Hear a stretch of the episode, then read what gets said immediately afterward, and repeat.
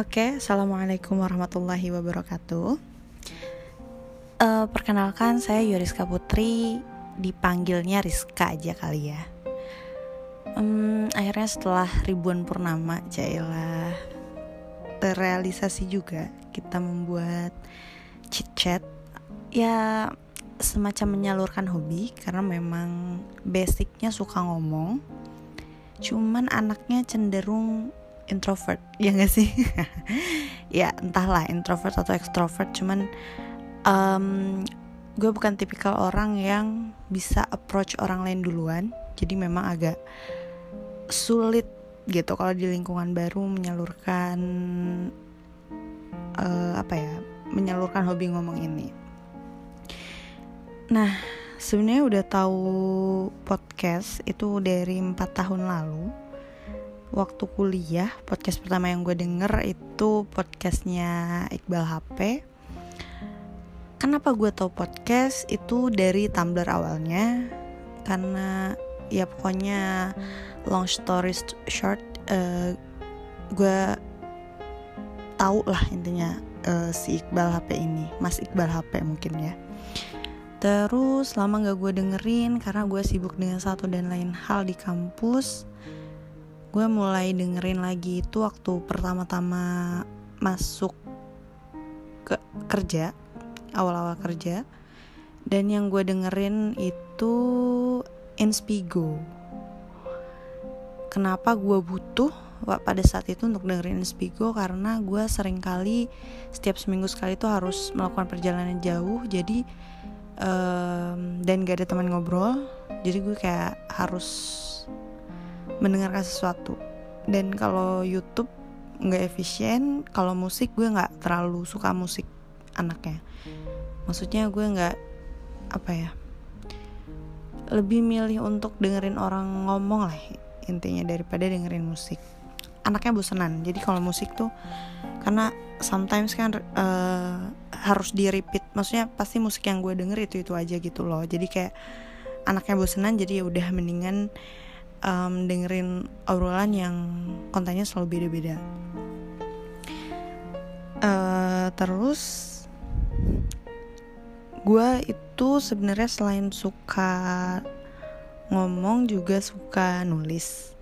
Sebenarnya hobi gue itu sangat amat beririsan ya ngomong nulis baca udah itu aja cuman sejujurnya untuk baca sendiri um, mungkin gue masih sering baca cuman komposisi bacaannya itu yang nggak apa ya nggak sesuai gitu. Dulu kan gue selalu baca baca buku tuh ya buku-buku uh, untuk enlarging knowledge gue gitu. Jadi kayak ya fiksi non fiksi gue baca gitu.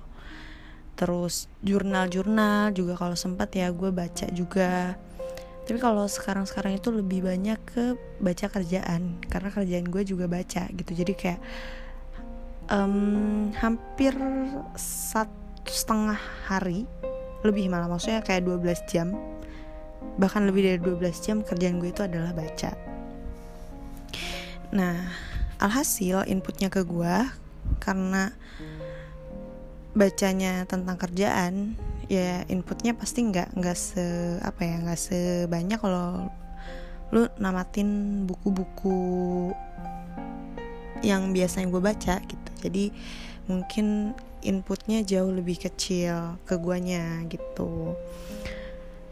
Terus akhirnya akhir-akhir ini gue lebih memilih untuk menyalurkan hobi menulis gue nah terus gue menyalurkannya itu lewat Instagram karena uh, gue pikir gue perlu membagikan insight gue gitu. Jadi maksudnya siapa tahu orang um, banyak orang juga gitu yang terbantu dengan kata-kata siapa tahu kata-kata gue bisa membantu orang. Itu sih sebenarnya kenapa gue share tulisan gue itu di Instagram.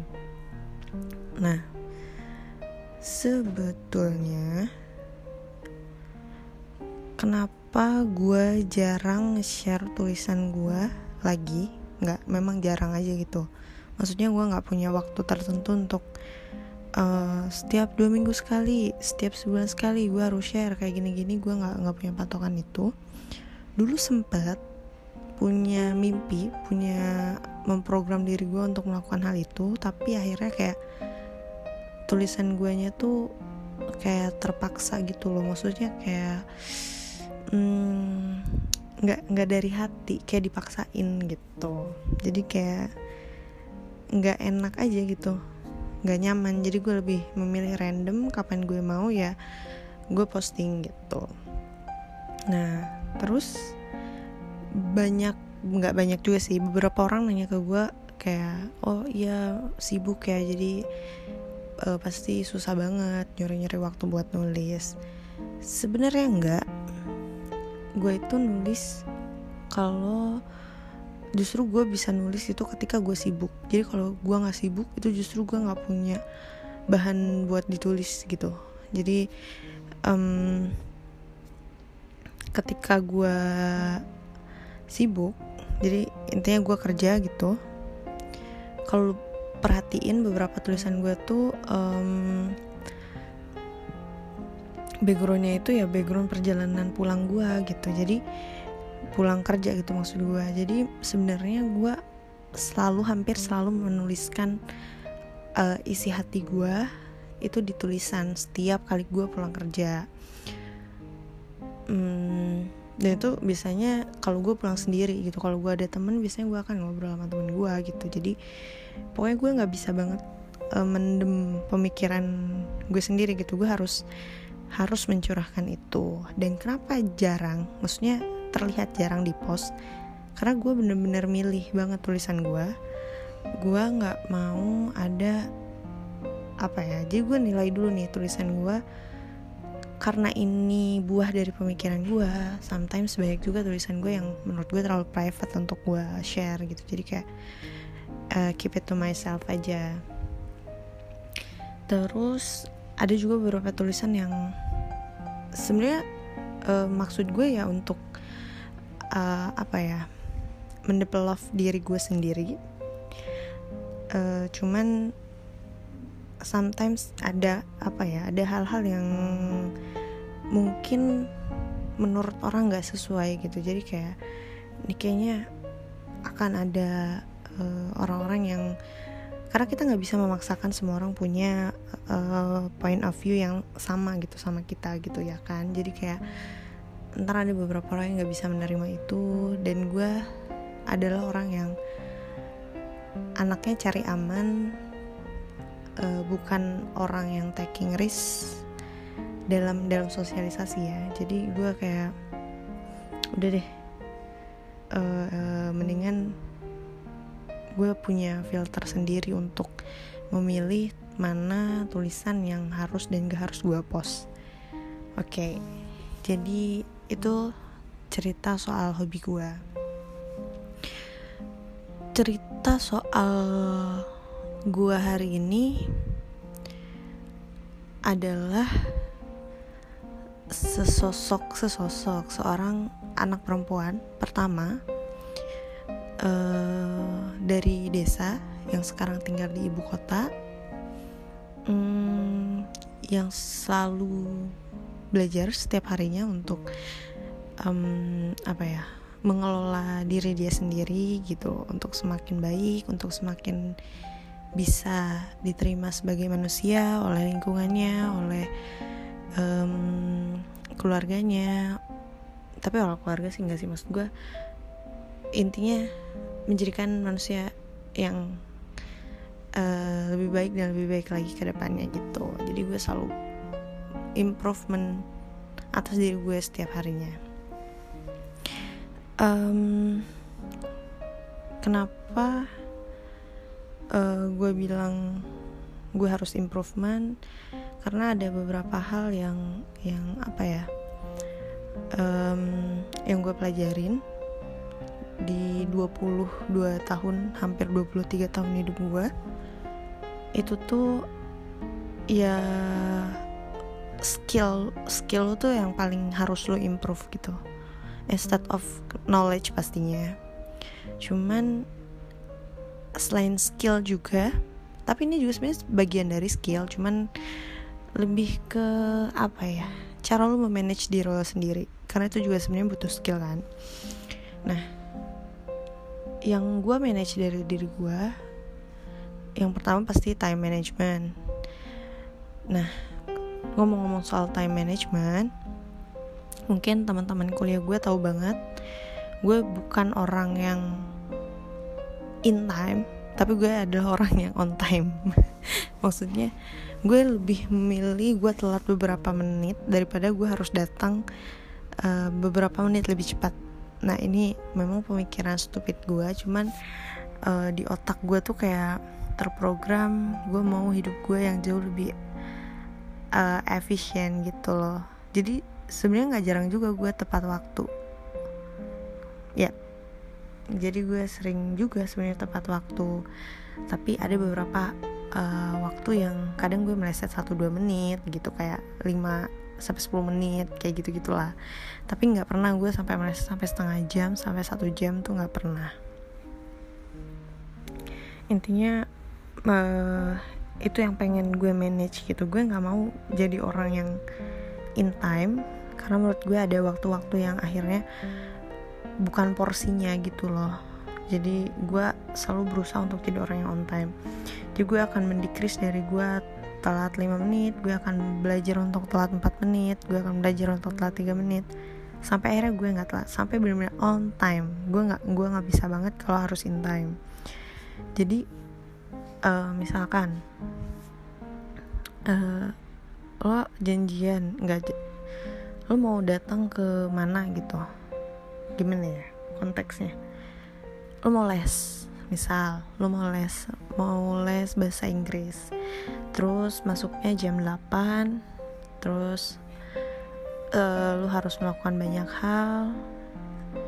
Dan kayak kalau lo datang setengah 8 plak di kelas lo akan nggak tahu melakukan 30 menit itu untuk ngapain gitu itu gue ya mungkin mungkin ada juga yang yang bisa uh, memaksimalkan waktu 30 menit nunggu gitu. Karena kalau gue sendiri kalau gue udah ada di satu fokus misalkan di les bahasa Inggris bahasa Inggris itu gue udah nggak bisa otak gue tuh mikirin yang lain. Maksudnya gue akan diri gue dan otak gue tuh ada di situ gitu. Jadi gue nggak bisa tiba-tiba gue ngerjain um, misalkan gue masih siswa gitu gue ngerjain matematika di situ gue nggak akan bisa.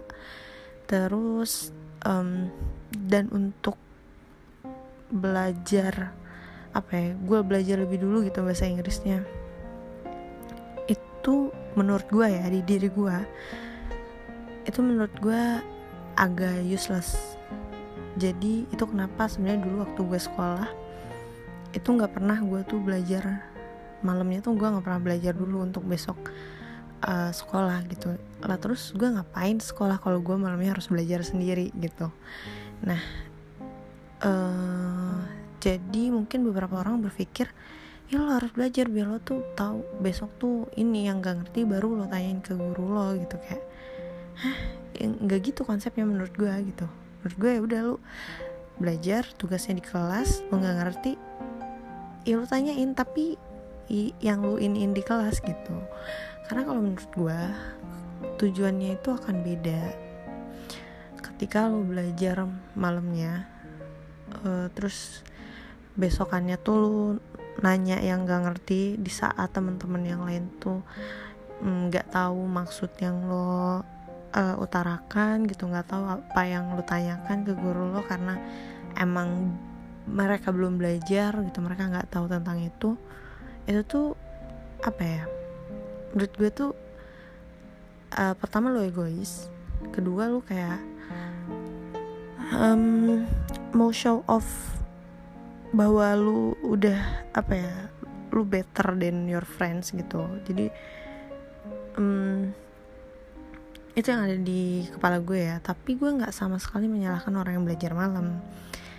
Karena ada beberapa orang juga kan uh, daya tangkapnya, daya ingatnya itu kan tiap orang beda-beda. Ada orang yang kalau dia belajar di kelas aja tuh nggak cukup, dia nggak bisa ngejar teman-teman yang lainnya jadi dia harus ditopang dengan eh, pelajaran-pelajaran uh, uh, dengan belajar di luar jam sekolah gitu. Nah untuk gue sendiri gue orangnya uh, cukup bisa nge ngejar di kelas gitu tapi gue nggak yang excellent banget gitu. Cuman itu kenapa uh, kita penting banget kenal sama diri kita. Jadi uh, tahu porsi kita kayak gitu gitu nah terus malamnya itu gue alokasikan untuk hal-hal lain. Bisa mendevelop diri gue di bidang yang lain gitu. Misal kayak gue bisa belajar masak atau gue um, nulis gue baca gitu baca buku-buku lain gitu. Karena um, itu penting gitu sebagai penunjang. Itu kenapa gue itu tipe orang yang um, bukan anak sekolah banget lah gitu. Gue nggak nggak nggak bisa yang sekolah tuh full sekolah gitu mikirin akademik doang. Itu nggak bisa gitu gue nah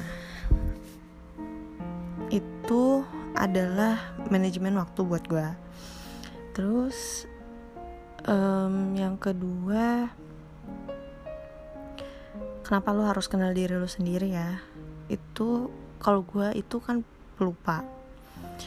Nah gue harus manage nih kelemahan kelemahan gue karena gue pelupa. Jadi gue butuh banget uh, eh, reminder reminder biasanya gue buat di HP gue itu udah pasti banget. Dan oh, gue bikin kayak di apa ya buku agenda gitu sebenarnya udah nggak efisien sih. Dan gue juga udah jarang banget ngelakuin ini karena Eh, nggak uh, worth it. Jadi sebenarnya satu-satunya alat yang gue pakai untuk reminder diri gue itu HP dan uh, eh, PC gue. Karena uh, setiap hari kan gue buka PC nah di PC itu kan ada remindernya. Nah itu yang gue pakai dan HP ini. Terus intinya lo harus tahu kelemahan-kelemahan lo dan lo harus tahu gimana memitigasi kelemahan-kelemahan lo.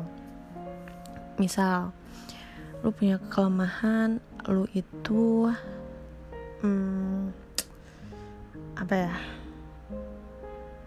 orangnya meledak-ledak. Nah ini uh, akan nyambung ke apa yang pengen gue bahas selanjutnya.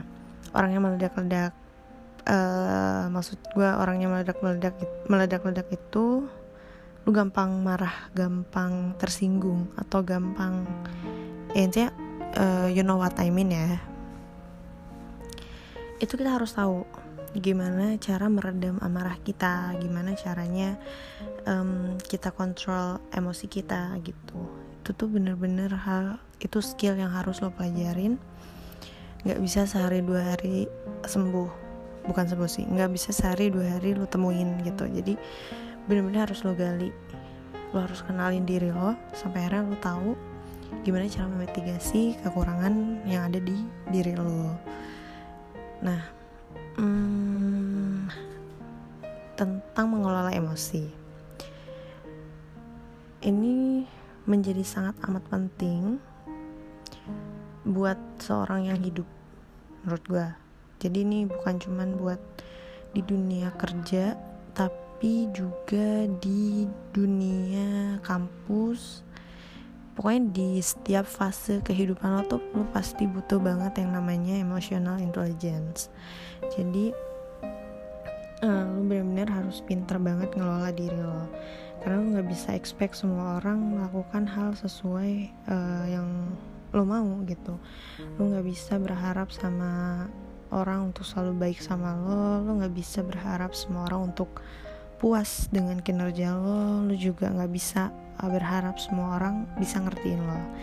Jadi lo harus punya banget skill manajemen emosi.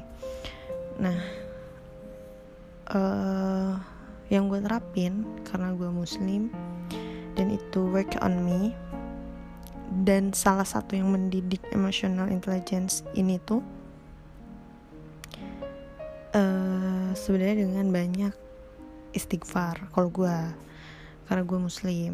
Jadi gue bener-bener istighfar itu gue nggak bisa banget ngebiarin otak gue melayang kayak lu di gojek gitu lu gue nggak bisa banget gitu ngelamun.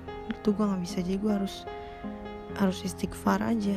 Istighfar saya dulu istighfar atau apa ya syukur. Ya, intinya gue harus ingat sama Allah gitu di situ lu bakal dapet ketenangan sih menurut gue gitu. Jadi lu lebih emosi lo akan lebih stabil mood lo akan lebih bagus. Oke kalau gue berangkat kerja tuh gue harus melakukan itu dulu supaya hari gue tuh uh, feeling good. Nggak walaupun ada sesuatu yang buruk tapi gue bisa menghadapi itu dengan baik dengan kepala dingin kayak gitu gitu nah ini salah satunya terbentuk dari waktu gue sekolah sebenarnya tapi gue nggak nggak nggak bisa ingat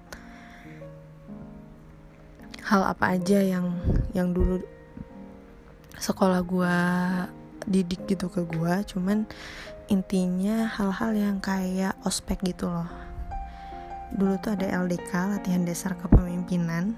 Jadi salah satu materinya itu materinya bukan materi secara apa ya secara tulisan gitu ya. Maksudnya value yang pengen disampaikan sama sekolah gue ke gue itu adalah uh, melatih mental dan emosi gue kayak lu misal hiking itu luar biasa melatih diri lo, diri lo gitu as a team as a person untuk survive uh, di dalam hutan kayak gitu. Terus kedua mungkin lo dimarah-marahin. Menurut gue itu juga hal yang penting juga gitu maksudnya uh, lu, lu bisa jadi di kehidupan yang akan datang lu akan dimarah-marahin tanpa sebab. Karena emang uh, lu cuman akan jadi apa ya sasak tinju aja gitu. Itu akan ada momen-momen kayak gitu. Jadi menurut gue sih ini masih penting masih relevan untuk dilakukan gitu untuk melatih uh, emosi dan mental kita as a person tentunya.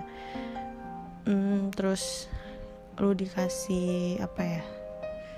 Dikasih um, kayak ke pos ini ke pos ini dengan tantangan-tantangan yang berbeda itu juga sangat amat relevan gitu karena itu seperti perjalanan kehidupan yang lo nggak tahu di depan itu bakal ada apa.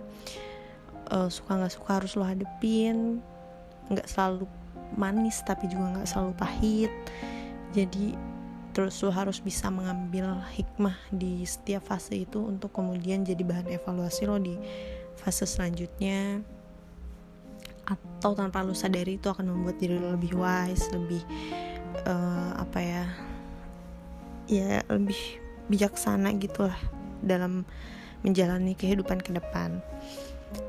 Terus yang paling berbekas sebenarnya di otak gue itu adalah ketika gue kuliah.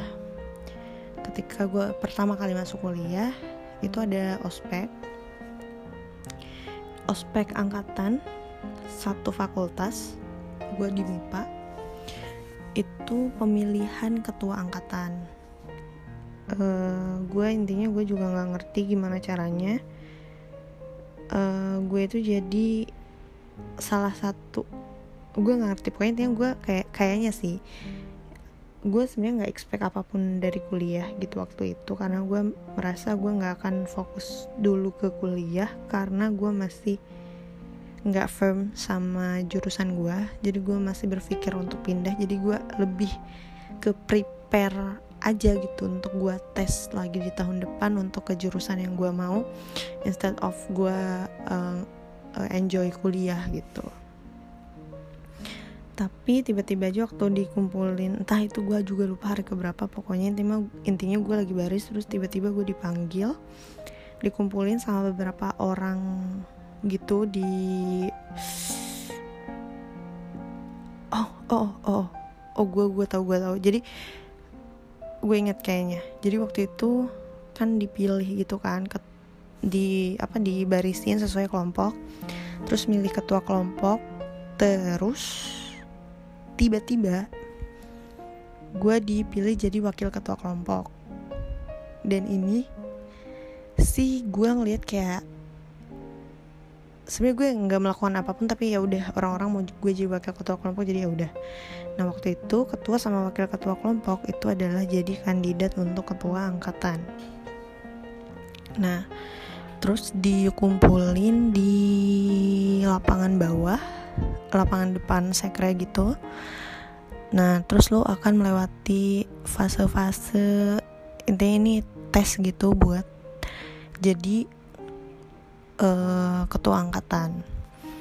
Nah, terus um, pada saat itu gue lupa banget sih pos pertama, tapi intinya uh, gue melihat orang-orang yang ada di sana itu adalah orang-orang yang memang punya leadership yang bagus. Bahkan ketika lari pun gue kayak mengambil apa ya mengambil pelajaran gitu dari mereka mereka sangat helpful mereka nggak egois nggak mau menang sendiri bener-bener kayak jadiin orang-orang di sekitar itu bukan sebagai kompetitornya tapi emang uh, as a team yang pengen bikin bukan tim juga ya as a family yang pengen bikin uh, keluarganya ini lebih solid keluarganya ini lebih uh, care one another gitu. Jadi uh, eh, gue melihat hal itu di perjalanan setiap posnya. Dan gue melewati pos-posnya dengan sangat amat baik dan benar menurut gue waktu itu akan ada yang gugur di setiap posnya. Terus gue itu udah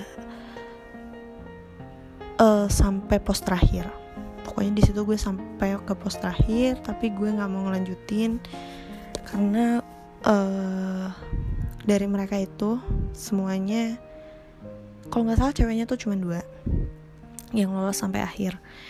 Terus uh, gue nggak mau ngelanjutin karena gue merasa gue perempuan. Jadi gue sangat inferior as a woman. Um, entah apa yang ada di otak gue cuman uh, dan itu udah nggak ada di otak gue hari ini gitu ya. Cuman dulu itu bener-bener gue ngerasa perempuan itu nggak nggak boleh jadi pemimpin perempuan itu cuman boleh backup maksudnya dia nggak boleh jadi ketua tapi dia boleh jadi wakil. Kayak gitu. Terus uh, karena di situ adalah tes ketua angkatan sedangkan gue nggak mau jadi ketua angkatan so gue mundur nah uh, yang pengen gue kasih tahu ke semuanya itu adalah tentang setiap pos-pos yang gue jalanin itu tuh dimarah-marahin mental lu di di apa ya di obak abik emosi lu bener-bener di apa ya di dimainin lah kayak uh, lo yakin lo punya apa? Kayak gini kayak gini gitu. Mau nggak mau bikin lo tuh mikir gitu. Iya emang sih gue punya apa ya? gitu. Terus jadi bikin lo punya satu semangat pantang menyerah juga. Bikin lo punya apa ya? Punya rasa apa ya? Memiliki atas diri lo sendiri gitu karena lo akhirnya mengenal diri lo sendiri lo tahu gitu, kelebihan dan kekurangan lo gitu. Karena lo di bawah tekanan lo suruh mikir kenal dengan diri lo sendiri siapa lo lo pantasnya di mana lo siapa kelebihan lo apa kekurangan lo apa. Dan itu benar-benar work on me. Dan nggak nggak sedikit gitu orang itu yang nangis gitu ngelewatin pos-pos itu. Dan gue nggak nangis. Dan menurut gue itu keren jadi FYI buat orang yang tahu gue gue ini sebenarnya gampang banget nangis tapi buat hal-hal kecil. Jadi misalkan hmm, nonton film apa ya kalau Dilan mungkin ya bisa lah ya bikin lo nangis. NKCTHI semua orang nangis. Cuman apa ya Aquaman mungkin ya. Aquaman mungkin orang nggak nangis tapi gue nangis. Terus mm, Robert Downey Jr. tuh Captain America atau apa ya kemarin itu Avenger ya Avengers. Itu gue nangis juga. Mungkin sebagian juga ada yang nangis cuman uh, itu ada film-film yang di mana banyak orang tuh nggak nangis tapi gue nangis gitu. Itu membuktikan gue ini yang anak yang mudah yang cukup mudah menangis gitu. Tapi untuk hal-hal kayak lo diomongin orang sakit hati. Gue tuh kalau sakit hati jarang nangis. Diomongin orang jangan nangis jarang nangis.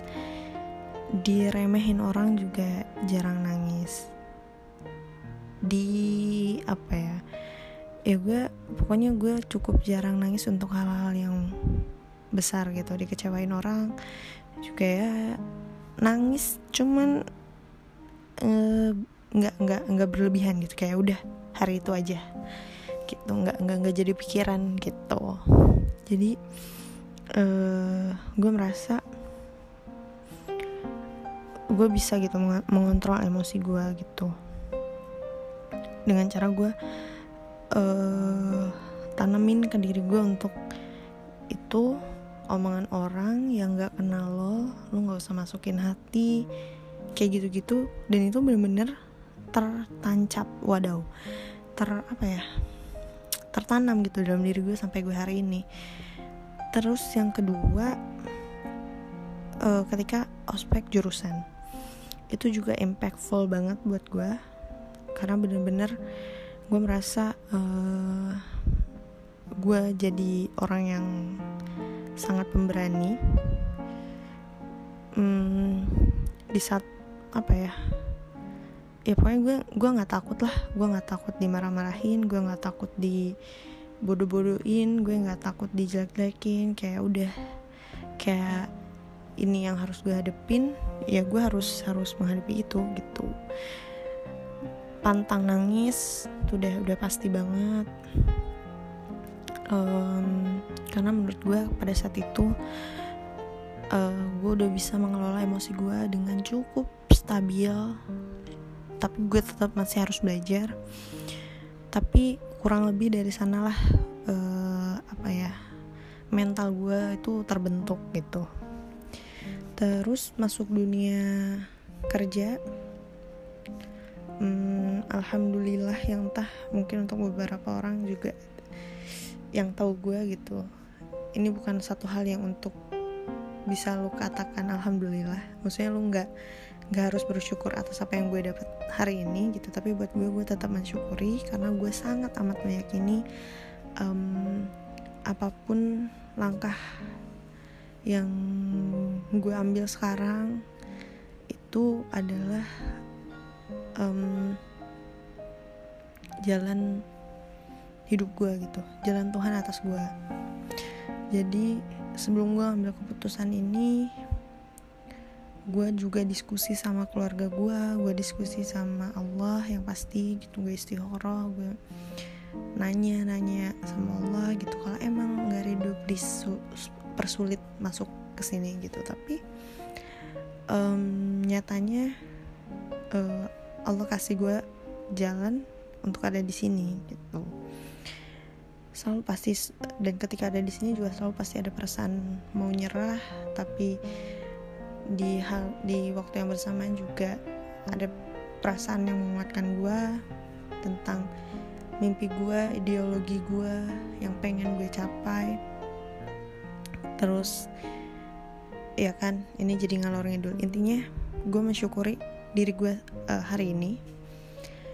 Walaupun sebagian orang menganggap gue tidak perlu mensyukuri diri gue hari ini. Ya gitu.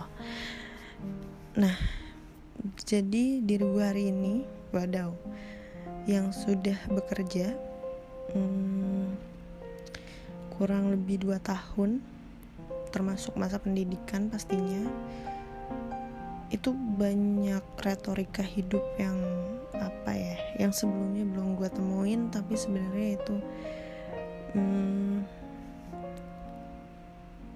uh, esensinya sama sama yang pernah lo laluin di masa lalu.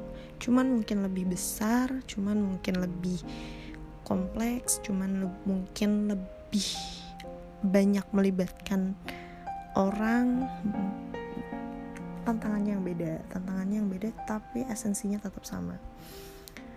Lo akan um,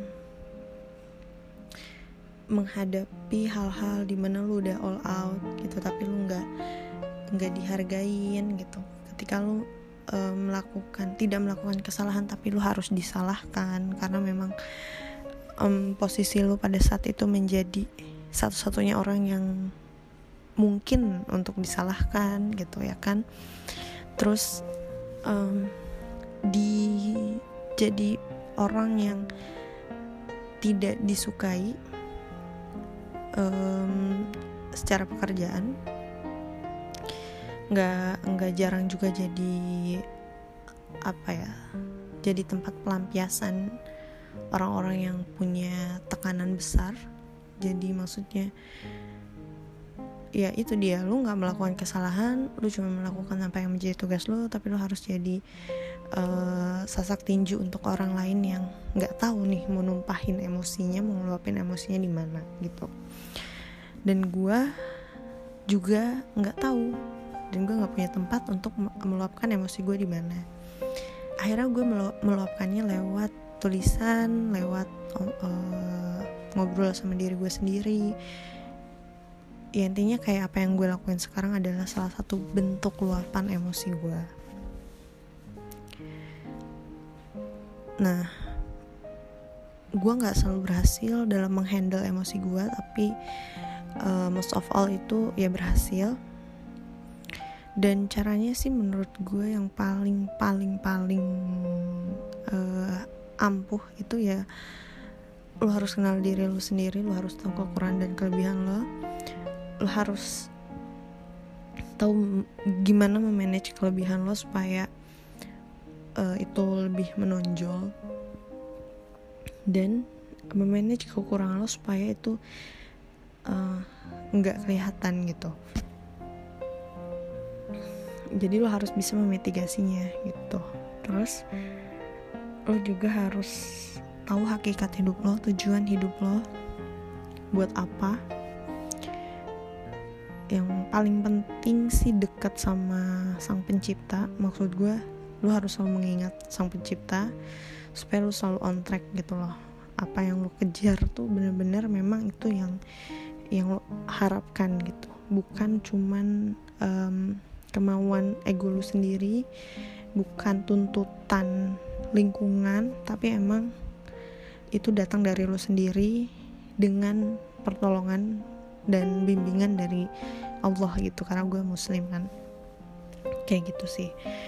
Jadi lo harus bener-bener um, melibatkan Allah di segala sesuatu yang lo lakukan gitu. Mungkin akan ada beberapa orang yang ah munafik banget lo gitu. Ngomong-ngomong melibatkan Allah atau kayak gimana tapi ya ini udah kejujuran. Yang paling jujur memang yang gue lakukan adalah melibatkan Allah gitu. Maksudnya gue selalu berserah diri dengan apa yang uh, Allah buat buat gue. Gue selalu take a change. Uh, setiap kali ada satu kesempatan untuk gue melakukan hal yang lebih baik gue selalu ikut itu gue nggak pernah buang-buang kesempatan. Terus gue juga nggak bosan-bosan buat cari ilmu. Walaupun ya kadang melelahkan karena saat ini gue sendirian. Maksudnya maksudnya gue bukan meratapi kesinggalan gue maksud gue gini kalau dulu itu waktu SMP SMA gue dikelilingi banyak sekali teman. Jadi kayak uh, lu tahu lu lu nggak pernah ngerasa lu sendiri gitu lah karena lu punya teman um, orang-orang yang bisa ngingetin lo untuk eh itu salah balik lagi yuk gitu. Begitupun ketika kuliah itu luar biasa. Gue dikelilingi dengan orang-orang yang sangat positif yang sangat membangun yang sangat um, apa ya? Suportif bener-bener luar biasa banget. Yang bisa ngingetin lo dari cuman ketemu tanpa lo ngomong aja itu udah kayak mereka bisa ngingetin bisa ngingetin lo gitu. Dan itu keren banget. Dan gue nggak mendapatkan itu sekarang. Karena ya seperti teori pada umumnya yang lo tahu gitu semakin lo naik fase hidup lo gitu kan semakin lo akan kehilangan teman-teman lo gitu. Akan tersisa orang-orang yang memang bener-bener gimana ya bener-bener care terhadap lo. Nggak nggak gimana ya pokoknya intinya kenapa gue sekarang merasa sendiri karena di lingkungan baru ini ya gue sendiri gue punya teman tapi teman-teman kerja yang pastinya nggak bisa gue libatin di um, uh, private life gue itu pertama. Kedua teman-teman lama gue punya kehidupan baru punya kehidupan yang hmm, ya kehidupan mereka sendiri yang di mana di kehidupan barunya itu nggak ada gue walaupun kita tetap keep in touch tapi ya semuanya nggak bisa kayak dulu gitu. Cila ya intinya kayak gitu. Semuanya nggak bisa kayak dulu lagi karena fase hidupnya udah berbeda kesibukannya udah berbeda tanggung jawabnya pun udah berbeda.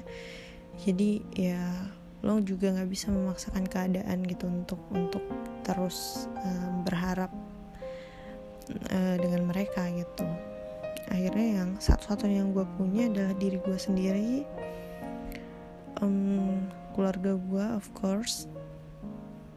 Tapi mereka pun jauh jadi ya um, balik lagi satu-satunya yang bisa gue harapin yaitu diri gue sendiri gitu. Gimana gue kontrol my life um, dengan uh, gue banyakin zikir itu tadi gue banyakin uh, datang ke kajian-kajian keilmuan gitu ilmu agama ilmu kehidupan kayak uh, how to manage apa ya ya banyak lah gitu untuk untuk untuk menggali kemampuan leadership lo kemampuan manajemen finansial lo kehidupan lo yang ke depan lo mem, apa uh, ingin membuild satu keluarga yang seperti apa, satu kehidupan yang seperti apa, dengan siapa, di mana, bagaimana semuanya. Intinya gue selalu mengikuti kajian-kajian yang yang yang bisa menuntut gue, menuntun gue gitu untuk um, meraih goals uh, hidup gue. Selain itu juga gue menjaga apa ya, menjaga diri gue sendiri untuk untuk tetap um, apa ya channeling maksudnya untuk tetap terpaut hatinya ke Allah Subhanahu wa taala gitu dengan um, mentadaburi semua nikmatnya Allah ikut kajian-kajian keilmuan tadi sih keilmuan agama gitu. Karena itu menurut gue adalah kunci pegangan yang paling penting buat lo um, tidak terseok-seok di kehidupan after kampus apalagi di ibu kota apalagi lo orang desa gitu. Jadi um, kalau harus jujur kehidupan di sini tuh cukup keras untuk bertahan itu susah apalagi lo sendiri. Jadi um, apa ya lo harus harus fight for yourself gitu. Lo harus tahu batasan-batasan lo harus selalu mengingatkan diri lo sendiri dengan cara memaksa diri lo gitu untuk selalu ada di majelis-majelis ilmu. Um, karena lo harus datang ya. Kalau majelis ilmu tuh lo harus datang karena beda esensinya ketika lo nonton di YouTube sama lo datang.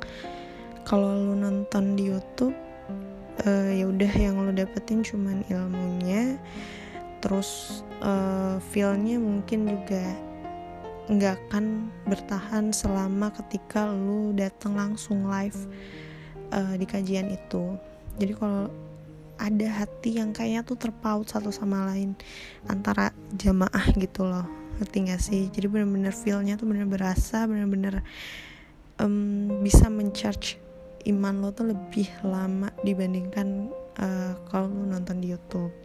Tapi nonton di YouTube juga harus gitu karena kan kajian kajiannya kan nggak nggak setiap hari bisa lo datengin kan. Maksud gue um, at least lo harus memanage uh, nggak nggak semuanya lo bergantung dengan nonton di YouTube gitu. Lo harus menjadwalkan diri lo seminggu sekali atau dua minggu sekali. Paling minimal dua minggu sekali sih menurut gue no no no. Seminggu sekali. Itu lo harus datang kajian. Um, buat uh, lo yang di ini di mana namanya? Di Jakarta dan pulang kerjanya mungkin malam itu sebenarnya banyak sih tempat-tempat yang uh, bisa lo jadiin tempat untuk menimba ilmu untuk mencharge iman lo gitu. Jadi uh, bukan bukan satu hal yang sulit didapatkan gitu asalkan lu ada kemauan. Jadi ya sekian mungkin uh, obrolan gue pengen share hari ini kalau lu ada pertanyaan-pertanyaan gue dengan senang hati juga akan sharing akan menjawab. Bukan menjawab sih sharing sharing view gue gitu atas pertanyaan lo. Lo boleh nanya gue di DM di Instagram gue uh, at Yuriska Putri. Dan sebenarnya gue juga nggak expect obrolan gue ini akan didengar oleh banyak orang cuman siapa pun lo mungkin ada yang baru mengenal gue ya lo bisa in touch dengan gue di sana di Instagram. So terima kasih atas perhatiannya atas waktunya mau mendengarkan celotehan gue yang mungkin uh, tidak berfaedah yang hanya ingin menyampaikan um, apa ya menyampaikan hobi gue menyalurkan hobi gue ini semoga lo bisa menerima. Mungkin next gue akan uh, tambah viewnya. Maksudnya uh, bukan cuma dari gue tapi ada sudut pandang orang di obrolan ngobrol gitu. Maksudnya bukan dengan diri lo sendiri tapi ada manusia lain. Sesosok manusia lain. Kita tunggu aja. Uh, sekian dari gue. Mohon maaf kalau banyak kata-kata yang mungkin gak serak di lo ya itu datangnya dari diri gue sendiri karena memang gue manusia tempatnya salah. Jadi gue mohon mohon untuk dimaafkan.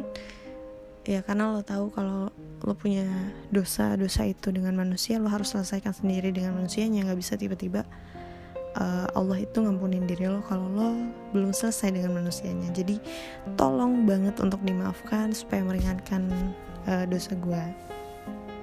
Uh, terima kasih atas atensinya Assalamualaikum warahmatullahi wabarakatuh.